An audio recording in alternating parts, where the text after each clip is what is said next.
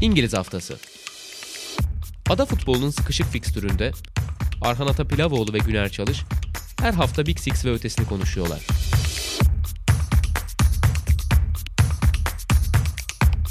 Statsbomb işbirliğiyle. Sokrates'ten, Sokrates Podcast'ten herkese merhabalar. İngiliz Haftası'nın yeni bölümünde karşınızdayız. Yine aslında devam eden fikstürün tezahürü olan bir haftayı geride bıraktık. Şampiyonluk yarışı aynen devam etti. İlk dört yarış aynen devam etti. Norwich City küme düştü. Oraya zaten ilerleyen dakikalarda geleceğiz. En yenilik haberi aslında o. Ama ilk önce şampiyonluk yarışıyla başlayalım istedik. Newcastle United'ı geçti Liverpool. Rotasyonlu bir kadro ile oynamasına rağmen Leeds United'da Manchester City geçti. Aynen fire vermeden devam ediyor iki takım da. Çok önemli bir haftaya girecek Liverpool. Liverpool'dan başlayalım dilersen abi. Çünkü bir rotasyon da yaptılar. Rotasyon bu haftanın en önemli konularından bir tanesiydi. Villarreal'e karşı muhtemelen Jurgen Klopp tam kadro çıkmak istedi. Herhangi bir fire vermek istemedi hafta içinde. Çünkü Villarreal'den hemen sonra da Tottenham'la oynayacaklar ki belki de şu an fikstürün en can alıcı tarafı o olacak. Bu rotasyonlu kadroyla pası sana atayım. Nasıl buldun kadroyu? Böyle bir kadro bekliyor muydun ve buna rağmen Liverpool'un net bir şekilde galibiyet alması ve Newcastle'ın çok varlık gösterememesi sence bir şeyler anlatıyor mu? Çok ekstra bir çıkarım yapmak gerekir mi? Ya gerekmiyor galiba çünkü işte hep söylüyoruz ya işte birkaç sezon önceki şampiyonluk yarışına geri döndük gibi o Covid sonrası küçük bir değişiklikten sonra tekrar iki takımın da çok iyi oldu ve e, ligdeki herkese çok rahat bir şekilde diş geçirebildiği bir dönem yaşıyoruz gibi gözüküyor tekrardan. Hani hep aslında bir yerde acaba bu takımlar puan kaybeder mi? Bu sefer bir kırılma olur mu diye işte rakip takımın taraftarları bekliyor. Hani belki senin de daha yakın olduğun bir taraf var, benim daha yakın olduğum bir taraf var. Hani sen işte bu hafta içinde mesela söylüyordun acaba Leeds o takım olur mu e, gibisinden. Çünkü Leeds'in de tabii ters gelebildiği oluyor. Belki bahsedersin tekrardan birazdan. Ama ikisi de bir şekilde hani rotasyon yapmalarına rağmen galip gelmeyi biliyorlar. İşte Liverpool'da mesela öne çıkan oyuncu bu hafta yani benim gördüğüm kadarıyla en azından James Milner'dı. Onun işte tekrar süre alması, iyi bir performans göstermesi, işte maç sonunda açıklamalarında işte tekrar yeni bir sözleşme imzalayacak mı bunların konuşulması falandı. E tabi Liverpool için bir diğer önemli konu, çok önemli bir konu hatta son yakın dönemin Klopp'un sözleşmesini uzatması ve e, işte burada mutlu olduğunu hissettiğini açıklamasıydı. Tabii bir noktada çok anlamlı gelmeyebilir, çok önemli gelmeyebilir belki insanlar ama hani şunu söylemek lazım. Jurgen Klopp daha öncesinde başka bir tarih verip çok daha öncesinde bırakacağını ve işte biraz kafasını dinlemesi gerektiğini falan söyleyen bir isimdi. Dolayısıyla aslında onda da bir karar değişikliği olduğunu ve Liverpool'da mutlu olduğunu görüyoruz. Yani bu da önemli bir şey hakikaten. Hem buradan da çıkaracak bir diğer sonuç muhtemelen işte Guardiola'nın sözleşmesi de gelecek sezon bitiyor biliyorsun. Guardiola'nın da belki de çok kısa bir süre sonra bir sözleşme uzatma haberini alacağız belki de ve işte önümüzdeki birkaç sezonda bu büyük rekabet belki de sürmeye devam edecek gibi gözüküyor. Hani bu anlamda da bu uzun sürelilik anlamında da belki işte Premier Lig tarihinin diyeyim e, önceki rekabetlerini aşabilecek gibi de olabilir. İşte bunun zaten en bilinen örneği United Arsenal'dı. Ama belki o rekabeti de aşacak, daha uzun sürecek bir rekabetle karşı karşıya olabiliriz. Dediğin gibi şimdi çok önemli bir maç geliyor aslında. Tottenham maçı geliyor. Belki orada bir kırılma olabilir ama onun dışında dediğin gibi aslında e, ligin tansiyonunda çok bir değişiklik olmadı. Stabil bir şekilde ilerliyor.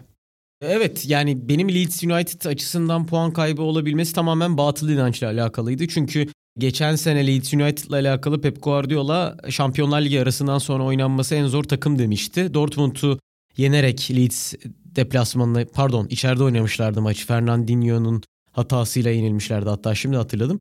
Leeds oynaması en zor takım demişti. Dortmund'a kazandıktan sonra Leeds'e yenilmişlerdi. Yine benzer bir tesadüf var diye öyle söyledim. Ama çok rahat geçti Leeds karşılaşması. Herhangi bir sıkıntı yaşamadılar. İlk iki gol duran toptan gelmesine rağmen seti çok rahat oturdular. Hatlar arasında çok rahat işte Foden'la, Grealish'le, Sterling'le topu buluşturdular.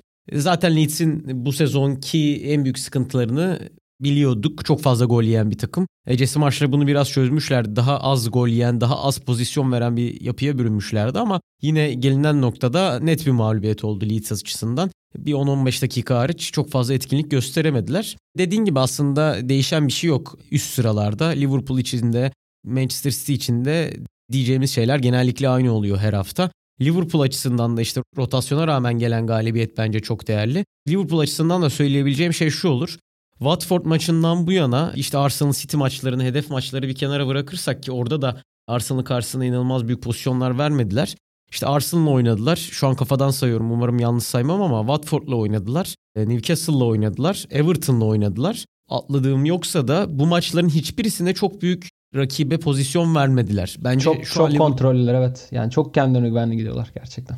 Aynen öyle. Yani Liverpool'u evet biz genellikle işte çok yoğunlukla oynayan, çok hücumu düşünen, çok sete oturduğunda etkili olan kenar ortalığıyla rakibi boğan bir Liverpool olarak tanımlıyoruz ama bence bu ikinci yarıda Brighton maçıyla birlikte başladı. Luis Diaz'ın gol attığı maçtan bahsediyorum. O maçtan bu yana takımı çok kontrollü, hiçbir şekilde rakibine pozisyon vermeyen bir yapıda görüyoruz. Hatta seninle burada da konuşmuştuk hatırlayacaksan. Uzun süre sonra Liverpool'un savunmasının tepe taklak olduğu maç Manchester City maçıydı. Ne yapacaklarını tam kestirememiş gibi oynamışlardı. Ama aslında bence o maçın bu kadar fazla gün yüzüne çıkması Liverpool'un çok zaten kontrollü bir şekilde savunmayı idare edebilmesinden kaynaklanıyordu. Evet kötülerdi o gün ama bu kadar kötü gözükmelerinin sebebi de o kadar çok iyi olmalarıydı bence. İyi yani alıştırdılar kadar... diyorsun. Evet aynen öyle. Bizi o kadar iyi alıştırmışlardı ki ya biz bir şaşırmıştık nasıl bu kadar defolu gibi gözüktüler diye.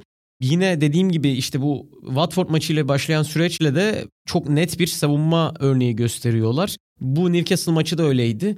Biraz daha Howe cesur olup biraz daha cesaretli planla çıkabilirdi ama Sam Maxime'ni en önce atarak kontra denemesi de bence inanılmaz absürt bir düşünce yapısı değil doğrusunu söylemek gerekirse. Oradan bir şeyler çıkarmaya çalıştı ama Liverpool zaten bu tarz kontraları çok iyi savuşturabilen bir takım Van Dijk'ın önderliğinde yine benzer bir şey oldu ve hiç etkinlik gösteremedi Newcastle. Benim bu hafta içi oynanan pardon bu hafta sonu oynanan maçlara dair söyleyeceklerim açıkçası bunlar. Güzel bir konu açtın. Eğer senin de ekleyeceğin bir şey yoksa oradan devam edebiliriz bence. Jurgen Klopp'un sözleşme uzatması. Pep Guardiola'nın da dediğin gibi ilerleyen haftalarda yeni bir sözleşme haberinin gelmesi hiç kimseyi şaşırtmaz ki geçtiğimiz günlerde de bir açıklama yaptı. Manchester City'den daha iyi bir yer düşünemiyorum diye. Bunu çok uzun süredir söylüyor ama aynı zamanda sözleşmem bittiğinde City'den ayrılacağım da demişti. Muhtemelen Liverpool'un e, pardon Klopp'un Liverpool'dan ayrılmasını düşünerek söylüyordu bunu. Çünkü Klopp'un da çok benzer açıklamaları vardı. Buradan ayrılacağım e, sözleşmem bitince diyordu. Farklı bir yere gidebilme ihtimali Almanya milli takımı konuşuluyordu ki Guardiola ile de hem İspanya hem Brezilya milli takımları konuşuluyordu. Guardiola milli takım çalıştırmak istediğini biliyoruz. Tüm bunlara rağmen Klopp kaldı. Klopp kalınca Guardiola'nın da dediği gibi gidebileceği daha iyi bir yer yok. Hem maddi açıdan hem istediği yönetim ile çalışma açısından hem rekabet açısından gerçekten şu an burası altın kaşık. O yüzden kalmasını bekliyoruz. Nasıl bir rekabet bekliyorsun? Geçtiğimiz programlarda da aslında United, Arsenal, Real Madrid, Barcelona ve Manchester City, Liverpool rekabetlerini bir kasede toplamıştık. Yine benzer bir nokta olacak ama belki biraz gelecek sezondaki rekabeti de gelecek sezondaki kadro yapılanmalarını konuşarak da bu rekabete bir ışık tutabiliriz dilersen. Evet evet yani ben de dilersen çok kısaca önceki programlarda iki temaya tekrar geri dönüş yapayım. Biri işte Çetin Cem Yılmaz'la sevgili Çetin Cem'le yaptığımız programda onun da olduğu programda söylediğim şey. Hani o gün hatırlıyorsun antrenörleri konuşuyorduk. Hani bir antrenörü neden kovarsın, niye getirirsin, hangi zamanda kovmak en azından tırnak içinde makul olabilir gibi. Yani o programda mesela söylediğim bir şeydi belki hatırlıyorsun. İşte City içinde mesela Liverpool içinde zaten daha iyi bir antrenör yok.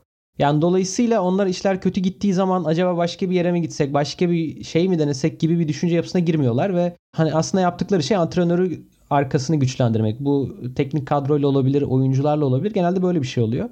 Bunu zaten Guardiola ve Klopp da onaylamış olacak ki hem onların mutluluklarından bunu anlayabiliyoruz hem işte yaptığı açıklamalardan hem de e, somut olarak dediğin gibi işte Klopp'un sözleşme uzatmasından ve Guardiola'nın da tekrar sözleşme uzatacak olmasından.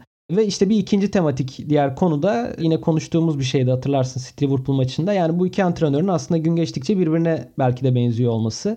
Bunu işte hem birbirlerine duydukları saygıdan görebiliriz hem de oynattıkları oyundan ve işte tavırlarından görebiliriz belki de. Yani dolayısıyla aslında benzer şeyleri yapmaları da çok sürpriz değil. Yani dediğin gibi mesela ikisi de aslında bunu belki kulüp kariyerlerinin son işi olarak görüyor. Halbuki çok yaşlı antrenörler de değiller kesinlikle. Ama kendilerini de belki işe çok yoğun bir şekilde verdikleri için ve o tatmini aldıkları için aslında bundan sonrası için çok daha e, yavaş bir hayat, farklı bir hayat biçimi düşünüyor olabilirler. İşte senin de dediğin üzere zaten Guardiola Brezilya'yı, işte Klopp da muhtemelen Almanya'yı düşünüyor buradan gittikten sonra.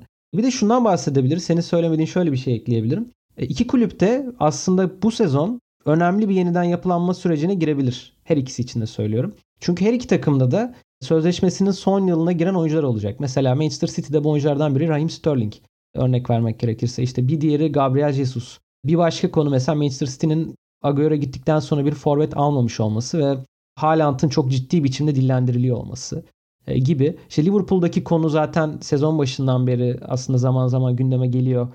Sadio Mane, Robert, e, Roberto Firmino ve Muhammed Salah'ın üçünün birden kontratlarının son senesine giriyor oluşu. Dolayısıyla da aslında kulüpler bu anlamda da çok önemli kararlar vermeleri gerekecek iki her iki kulübünde. Ve işte atıyorum Klopp'un sözleşmesini 2 sene daha uzatması, 4 sene daha burada olduğunu garanti etmesi hem bu oyuncuların kontrat görüşmelerinde büyük ihtimalle Liverpool'un elini güçlendiriyor hem de bu oyuncularla sözleşme imzalamayacaklarsa bile Liverpool yönetiminin hiyerarşisinin geleceğe yönelik daha kolay kararlar alabilmesine imkan veriyor. Çünkü Klopp hala başında olacak ve hani biraz daha önünü görebiliyorsun. İşte aynısı tabii City için söylenebilir. Hani belki daha sonraki programlarda sezon sonunda veya gelecek sezon hala programı yapıyor olursak daha net konuşuruz ama dediğim gibi büyük ihtimalle aslında her iki takımda da önemli değişiklikler olacak. İşte sana da burada belki sözü verebilirim. Mesela Muhammed Salah'ın hala kontratında önemli bir sorun var. Hala anlaşma yapamadı ve aslında zaman zaman çok da işi zorlamadan Liverpool yönetimine böyle tırnak içinde biraz böyle taş atan açıklamaları da olabiliyor. Yani hani sözleşme imzalamak istiyorum ama her şey benim elimde değil minvalinde açıklamalar yapabiliyor Salah ve mesela işte onun örnek veriyorum Paris Saint Germain'e gidebileceği konuşuluyor. E tabi böyle bir durum olursa mesela Liverpool gelecek sezon belki bir bir tık daha zor bir sezon bekleyebilir. Çünkü çok önemli bir oyuncu kaybedecek neticede. E diğer yandan işte e, Luis Diaz'ın takıma çok iyi bir şekilde adapte oluşu var. Sadio Mane'nin artık kenar oyuncusundan ziyade bir forvet oyuncusuna evrilişi var. İşte Firmino'nun artık eskisi kadar takımda ön planda olmaması var. İşte diğer yanda Manchester City'de Haaland gelirse belki kenar oyuncularının rolleri çok değişecek falan. Dolayısıyla aslında şu andan bence öngörebilmek çok kolay değil. Takımların gelecek sezonki veya bundan iki sezon sonraki yapılarını görebilmek, öngörebilmek bence çok kolay değil. Ama şunu net olarak söyleyebiliriz bence. Gelecek sezondan başlamak itibariyle e, bu takımların tekrar bir evrimleşme tekrar bir dönüşüm sürecine gireceğini söylemek oldukça mümkün gözüküyor bence. Evet bana da öyle geliyor. Yani bundan sonra ya ben de açıkçası söylemek gerekirse City özelinde düşünerek bunu biraz kafamda oturtmaya çalışıyordum. Çünkü Haaland'ın geldiği denklemde yeni bir oyuna evrilmek zorunda kalacağını düşünüyorum ben Manchester City'nin. Çünkü Nasıl Agüero'nun geçtiğimiz günlerde bir açıklaması vardı. Biz durmadan Guardiola ile benim idman yapış şeklimden dolayı tartışıyorduk diye. Burada idman yapış şekli aslında biraz detaya inince oyun yapısı bence. Oyun şeklinden dolayı da çok fazla tartıştığını biliyoruz bu ikilinin. Haaland geldikten sonra da tabii ki Manchester City Haaland'a kendini adapte edecek biraz ama Haaland'ın daha çok adapte etmesi gerekecek Manchester City yapısına. İki senedir forvetsiz bir düzende oynuyorlar. Bu düzeni biraz değiştirerek ama aslında biraz da aynı tutarak Haaland'ı e, entegre etmeye çalışacaklar. O yüzden her ne olursa olsun Haaland'ın gelmesi ben biraz bunu Grealish'in gelmesine de benzetiyorum. Yani Grealish geldiğinde sıkıntı çekeceğini biliyorduk. Bence Haaland da çekecek.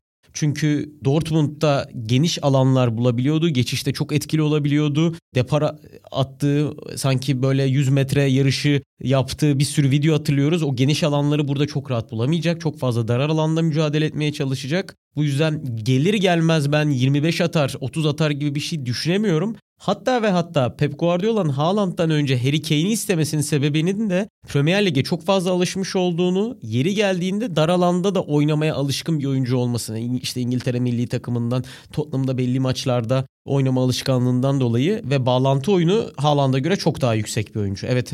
Kane zaten cuk oturuyor aslında City'ye. Evet yani muhtemelen Guardiola'nın şu an dünya üzerinde isteyeceği bir numaralı oyuncu Harry Kane hem bağlantı var. Kendini son zamanlarda derine indirerek çok fazla geliştirdi. Yani bir bakıma Firmino'nun çok daha bitiricisi haline evrildi.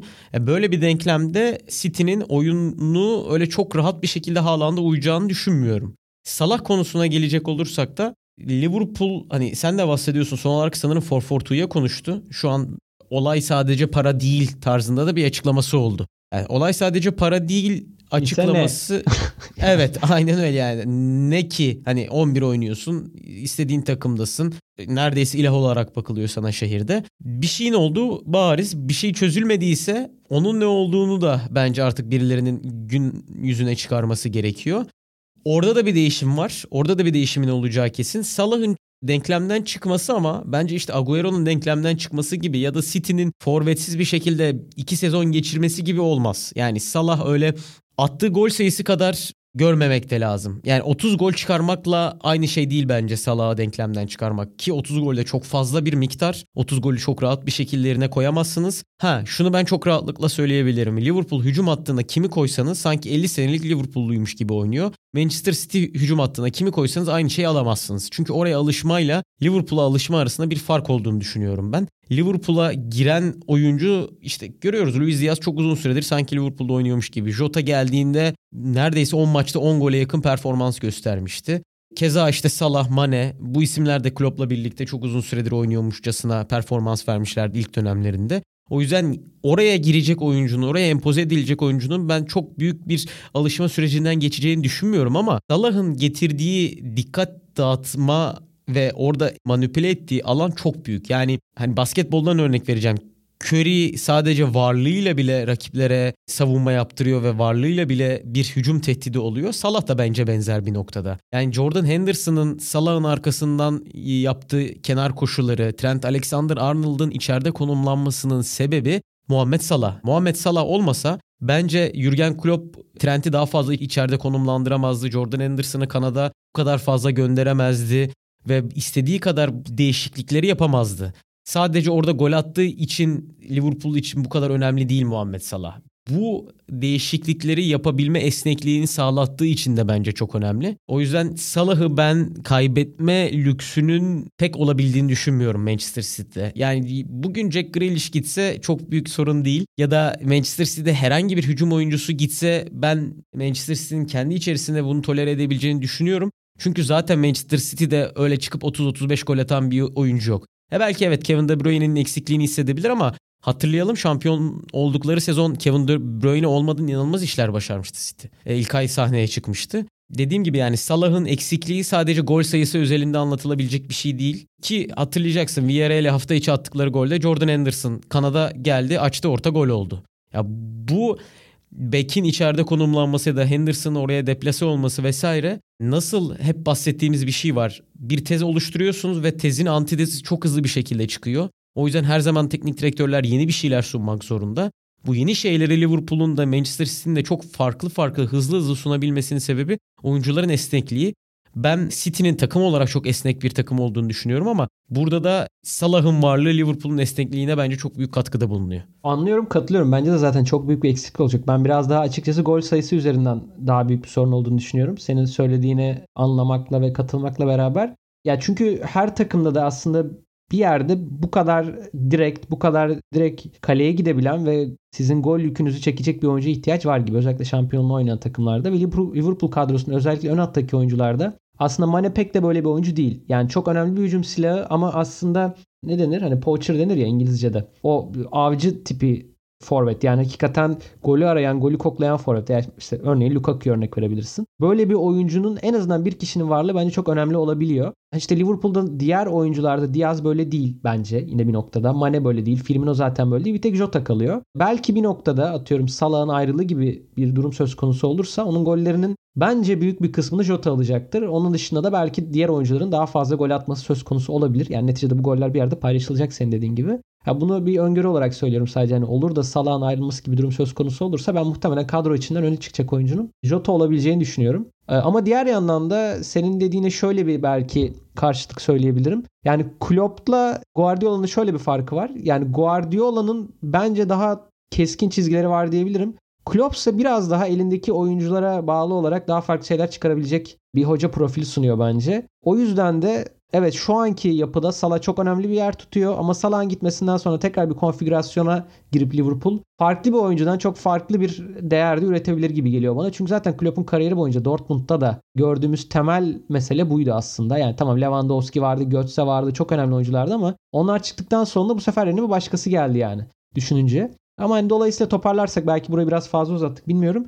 Yani Manchester City'de Liverpool'da şu anda bu sezon rekabet böyle gidiyor. Hakikaten nasıl biteceğini bilmiyoruz. Ama belli ki gelecek sezonlarda da bu rekabet devam edecek. Görünen gelişmelerden algılayabildiğimiz bu. Ve özellikle önümüzdeki sezondan başlayarak da bu rekabetin biraz daha sağ içinde farklı şekiller alacağını da öngörebiliyoruz. Çünkü artık bu ilk evreyi oluşturan oyuncuların özellikle de önemli oyuncuların kontratlarının sonlarına geldiğini görüyoruz. İzleyip göreceğiz diyeyim ben kendi adıma. Evet öyle gözüküyor ama en azından Pep Guardiola ve Jurgen Klopp rekabetinin aynı şekilde devam etmesi hepimiz açısından, tüm futbol severler açısından keyifli. Ben onları bir de son olarak milli takımlarda görmeyi çok arzuluyorum. İspanya, Almanya tam herhalde hani İngilizlerin de söylediği gibi o ultimate dream olur hepimiz açısından. En Bence Brezilya'ya gider ama ben öyle düşünüyorum. Pep'in. Guardiola evet olabilir. Evet. Yani e, çok istedikleri de söyleniyor Brezilya. Ya bambaşka bir şey çıkabilir ya Brezilya'dan. Guardiola'nın elinde. Nasıl olur milli takımda bu kadar? Ben mesela e, milli takım hocalığı açısından söylemek gerekirse Klopp'u bir adım önde görüyorum bu arada. Hı hı. E, katılır mısın bilmiyorum ama sanki onun yapısı o bahset e, eldeki hamurdan bir şeyleri yontma işlemi sanki milli takıma daha uygun bir durum ne dersin katılır mısın bilmiyorum. E bir de Almanya'ya gidecek yani zaten çok iyi takım yani böyle bir geleneği olan da bir oradan da bir avantajı olabilir haliyle. Bence ama Brezilya Guardiola da benzer noktalar. Yani çok uzaktaki iki uç ya, değil sanki. Guardiola ile Klopp'un bir noktadan çok benzetiyoruz falan dedik de karakterleri şöyle çok temel bir noktada farklı olabilir. Klopp biraz daha aslında nasıl denir bilmiyorum ama daha mühendis mi diyeyim. E biraz ya da işte senin geçen programlarda programlarda örnek verdiğin terzi örneği olabilir belki Conte'nin söylediği. Daha böyle bir hoca, daha fonksiyonel, daha elindekinden ne alabileceğine bakan bir hoca biraz daha. Guardiola ise aslında biraz daha hayatta yeni şeyler öğrenmeye meraklı. O yeniliklere açık, biraz daha yaratıcı, parlak fikirli. Hani zaten İspanyolların da Katalanların da biraz özelliği odur ya. Hani oradan çıkan sanatçılarda vesaire de görürsün. O biraz daha böyle çarılık mı diyeyim.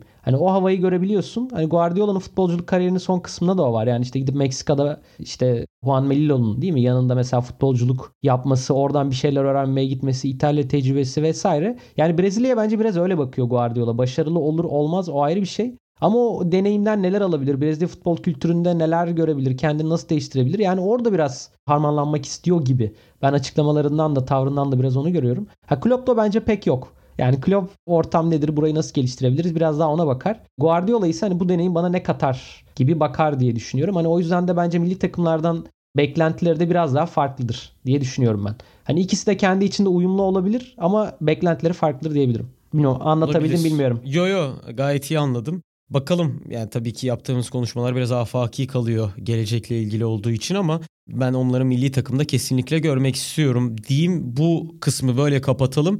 Biraz da başka bir teknik direktöre uzanalım. Aslında konuştuğumuz gelmesini beklediğimiz bir isimdi. Erik Ten Hag Manchester United'ın yeni teknik direktörü oldu. Ralf Rangnick Avusturya'nın yeni teknik direktörü oldu ama aynı zamanda danışmanlık görevine devam edecek. Ben buradan sana pas atacağım. Bence bu Manchester United'la alakalı pek çok şeyi özetliyor. Yani danışman olarak geldiği günden beri bizim kafamızda bir soru işareti vardı. Danışman nereye kadar danışman? Nereye kadar dahil olacak? Nelere karışacak? Teknik direktörü o mu seçecek? Teknik direktörü seçerse futbolcu transferlerinde söz sahibi olacak mı?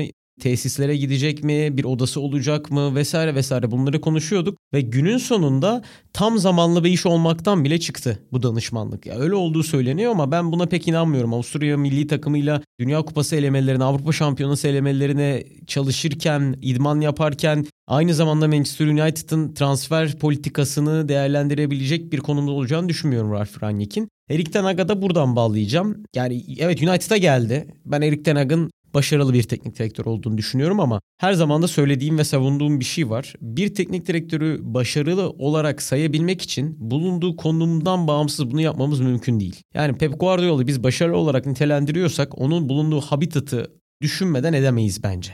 Aynısı işte Klopp için de geçerli ya da Türkiye'ye gelen teknik direktörlerin burada başarılı olamamalarının nedeni onların kötü teknik direktör olmalarından ziyade buralara alışma sürelerinin çok uzun sürmesi. İşte Domenek Torrent'in hafta sonu yaptığı açıklamaları biliyoruz. Tamamen nasıl bir şekilde aldığımı anlatsam çok uzun sürer. Analistler yoktu, kağıtlar dağılmıştı vesaire vesaire. Yani biz Torrent'e kötü ya da iyi teknik direktör demeden önce biz ona doğru bir habitatı veriyor muyuz? Çalışabileceği ortamı veriyor muyuz? Veya habitat buysa Torrent'i niye getiriyoruz bence? İki taraftan da bakabiliriz. Onun gibi. Evet o da çok doğru. Aynen öyle. Yani biz Erik Ten Hag'ı getirmek mesele değil. Erik Ten Hag'a başarılı olabilecek habitatı verebilmek mesele. Ya da senin dediğin gibi biz bu habitatı sağlayamıyorsak bu habitata uygun bir teknik direktörü getirebilmek mesele. Buradan vereyim sana pası. Sen Erik Ten Hag'ın bu kadar çalkantılı bir futbol aklının olduğu ya da daha doğrusu doğru Olmadı. bir futbol aklının olmadığı iklimde Ten Hag'ın başarılı olabileceğini düşünüyor musun? Ve son olarak da şunu sorayım. Ben bu tarz teknik direktörlere biraz anahtar teslim bırakmak gerektiğini düşünüyorum. United sence böyle bir şey yapacak mı? İstediği oyuncularla ya örneğin mesela Ronaldo'yla ben çalışmak istemiyorum derse Ronaldo'yu gönderebilecek kadar Hayır. ona anahtarı teslim edebilecek mi? Edemezler bence. Öyle bir şey söz konusu olamaz gibi geliyor ama bir yandan da yapmak istedikleri bu olabilir. Ya United'da zaten sorun bu. Yani bir şey yapmak istediklerini düşünüyorlar ama sonra iş onu uygulamaya geldiğinde yapsak mı yapmasak mı nasıl yapacağız gibi bir... Düşünüyorum öyleyse yokum.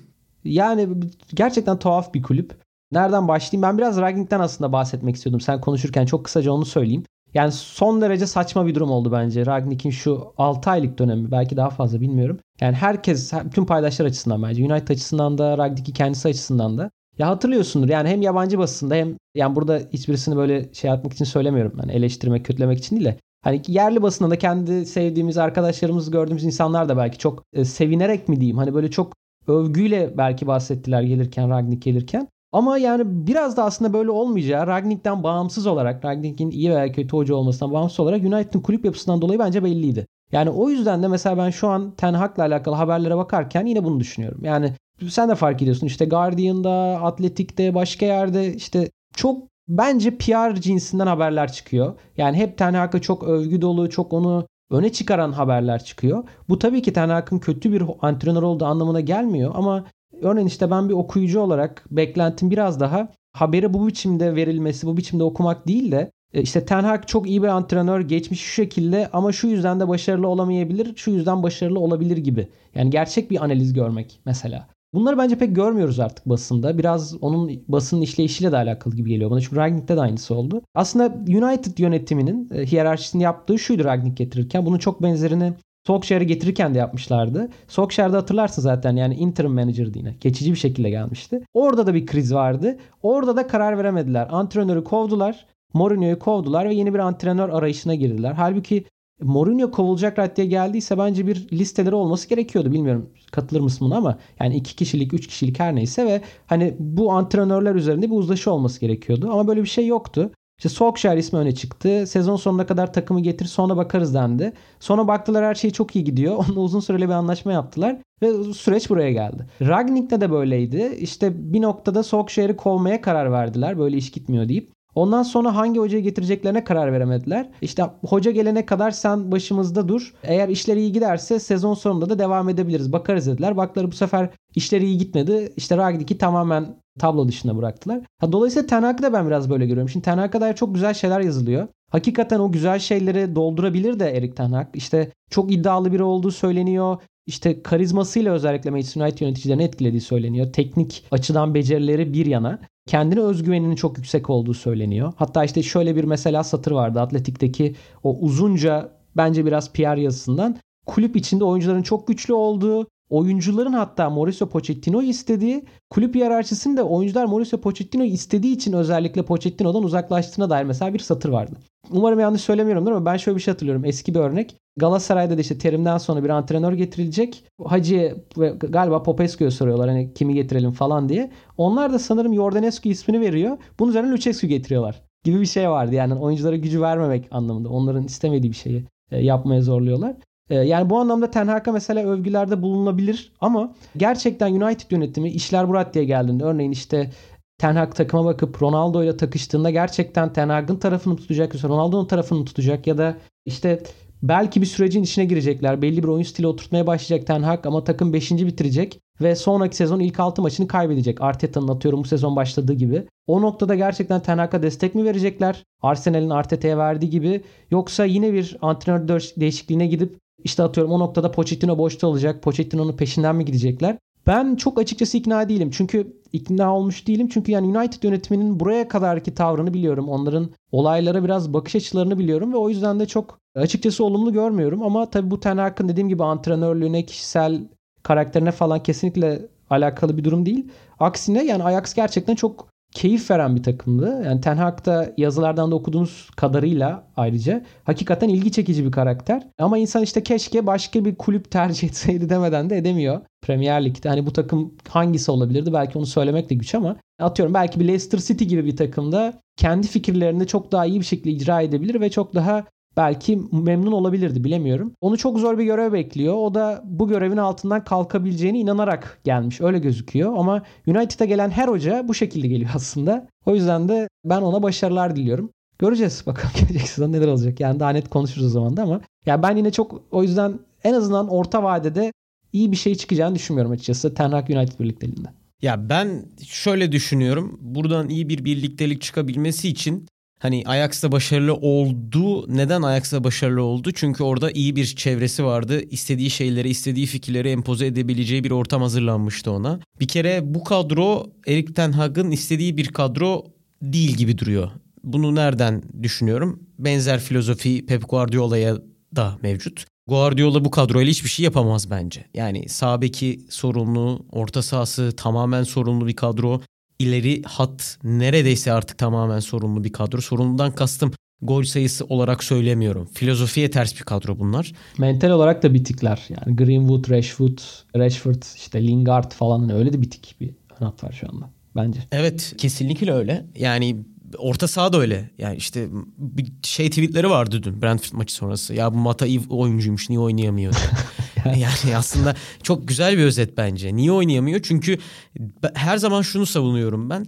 Bir oyuncu eğer sorgulanıyorsa o oyuncunun kalitesinden ziyade neden oynayamadığını sormak bence daha doğru. Yani işte Galatasaray'da da konuşuluyor. Taylan Berkan işte neden oynayamıyor orta sahada, neden olmuyor, işte kaliteleri çok düşük. Evet belki Galatasaray kalitesinde olmayan oyuncular olabilir bu isimler. Ama doğru bir yapı içerisinde ben bu isimlerin parlayabileceğinden eminim. E, doğru bir yapıyı kurduktan sonra bazı oyuncuların performansı çok fazla yükseliyor. Yani ya Berkan'ı koy Mane... Beşiktaş'a mesela şu anki İsmail'in takımında çok daha iyi bir izlenim verebilir atıyorum. Yüzde yüz kesinlikle öyle. Ya Sadio Mane Southampton'dan Liverpool yerine Manchester United'a gitseydi ben tabii ki bilemeyiz ama şu an en fazla Leicester City'de oynardı diye düşünüyorum. Daha fazlasını çıkartamazdı bence. Liverpool'dan United'a gitseydi muhtemelen işte Rashford gibi ya da Mata gibi ya da Matic gibi ya da Fred gibi en fazla tavanı senede Premier Lig'de 20 maça çıkabilecek United'la bir oyuncu olacaktı. Sonrasında bu senede de yeni yapılanmayla birlikte yolları ayrılacaktı. E, ama doğru yapı içerisinde dünyanın en iyi futbolcularından birisine evrildi. Bu yüzden bence oyuncular hakkında konuşurken ya da teknik direktörler hakkında konuşurken bunu çok iyi kestirebilmek gerekiyor. İkinci söyleyeceğim şey de dediğin şeye çok katılıyorum abi. Hani Mourinho gittikten sonra Solskjaer'e getirdiler. İşler iyi gitti. Uzun süreli kontrat verdiler. Rani'yi getirdiler. E, işler iyi giderse bakarız belki teknik direktör olarak devam eder denmişti ilk maçlarından sonra. O da isteyebilir denmişti. İşler iyi gitmedi. Şu an ne olduğu ne ediyor belirsiz bir yapıya büründü oradaki koltuğu. O yüzden Pep Guardiola'nın benim çok sevdiğim bir sözü var. Futbol iyi şeyleri değil kötü şeyleri nasıl yönettiğinizle alakalı. İyi şeyleri zaten herkes yönetir. Ya gidersiniz Solskjaer iyi gider gidersiniz 5 senelik sözleşme verirsiniz. O 5 senede de iyi giderse bir 5 sene daha verirsiniz. Ama olay o değil. Yani nasıl şu an Avrupa'da çok parlayan bir futbolcu. Örneğin Fiorentina gidip nasıl Vlahovic'in yerini hemen doldurduysa Bazel'den aldığı oyuncuyla. Cabral. E, aynen Cabral aklıma gelmedi. Hemen e, doldurduysa demek ki bir planları var. Yani gidip orada bunun Vlahovic'in bir pazara çıkacağını, satılma ihtimalinin çok yüksek olduğunun bilincindeler. Eğer iyi giderse zaten işler diye yönetirseniz kulübü o zaman kötü gittiğinde hiçbir planınızın olmadığını gösterir bu durum. O yüzden Erik Tenak'la da ilgili ben benzer şeyler düşünüyorum. İşler iyi giderse evet zaten işler iyi gitmiştir. Çok da yapacağınız bir şey kalmaz ortada. O yüzden United aslında biraz Türkiye'deki kulüplere benzetiyorum. Birisi gelsin ve kurtarsın mantalitesiyle. Yani Sir Alex Ferguson'a o kadar bağımlı bir yapıdalardı ki birisi gelsin kurtarsın şekliyle yönetmeye devam ediyorlar kulübü bence. Erik Ten Hag da umarım öyle olmaz çünkü tek başına kurtarabilmesi mümkün değil. Eğer tek başına kurtarmasını istiyorsanız da ona yine yardım etmeniz gerekiyor ve istediği oyuncuları getirip istediği oyuncuları göndermeniz gerekecek. Ben de aynı şekilde sana katılıyorum. Bunu yapmaları da mümkün değil. Ronaldo'dan öyle kolay şekilde kurtulamazlar. İşte ne bileyim Fred'den, Fan-Bissakka'dan o kadar kolay şekilde kurtulamazlar. En az birkaç sezonluk bir çalışma gerekiyor orada. Ranyi'ye katıldığım kısıtlı noktalardan bir tanesi o. Açık kalp ameliyatı mı? evet açık kalp ameliyatı ve aynı zamanda Liverpool'un United'dan 6 sezon 6 sene ileride olduğu gerçeği bir yapı kurulması gerekiyor. Bu yapıyı kurması için de yani sadece sabır değil. Yani sabrı bence biraz yanlış, sebatı yanlış anlıyoruz bazen. Doğru şeyleri verdikten sonra sabretmek. Yani hiçbir şey vermeden zamana bırakmaktan bahsetmiyorum ben. Her şeyi verdikten sonra biraz sabrederek bazı şeyleri görmek gerekiyor. Nasıl Arsenal sene başında ya bir transferlerimiz de gelsin öyle bizi yargılayın demişti ve gerçekten günün sonunda yargılanabilecek bir performans ortaya koydu Arteta. Ben benzer şeyler düşünüyorum United Ten Hag birlikteliği ile alakalı. Evet. Ya istersen biraz da ligden düşenleri konuşalım. Yoksa vakit kalmayacak gibi oraya getirelim mi sözü? Evet çok hızlı şekilde dediğin gibi dilersen Norwich'i konuşalım. Lige veda ettiler. Asansör takım olmaya devam ediyorlar. Farke döneminde çıkmışlardı. Championship'e geri düşmüşlerdi. Championship'te ilk çıktıkları sezondaki performansa benzer bir performans göstererek yeniden yükseldiler. Farke ile yolları ayırdılar. Dean Smith'le göreve devam ettiler ama bir şekilde gol yeme problemlerini çözemediler ve seri mağlubiyetler sonucunda lige veda ettiler.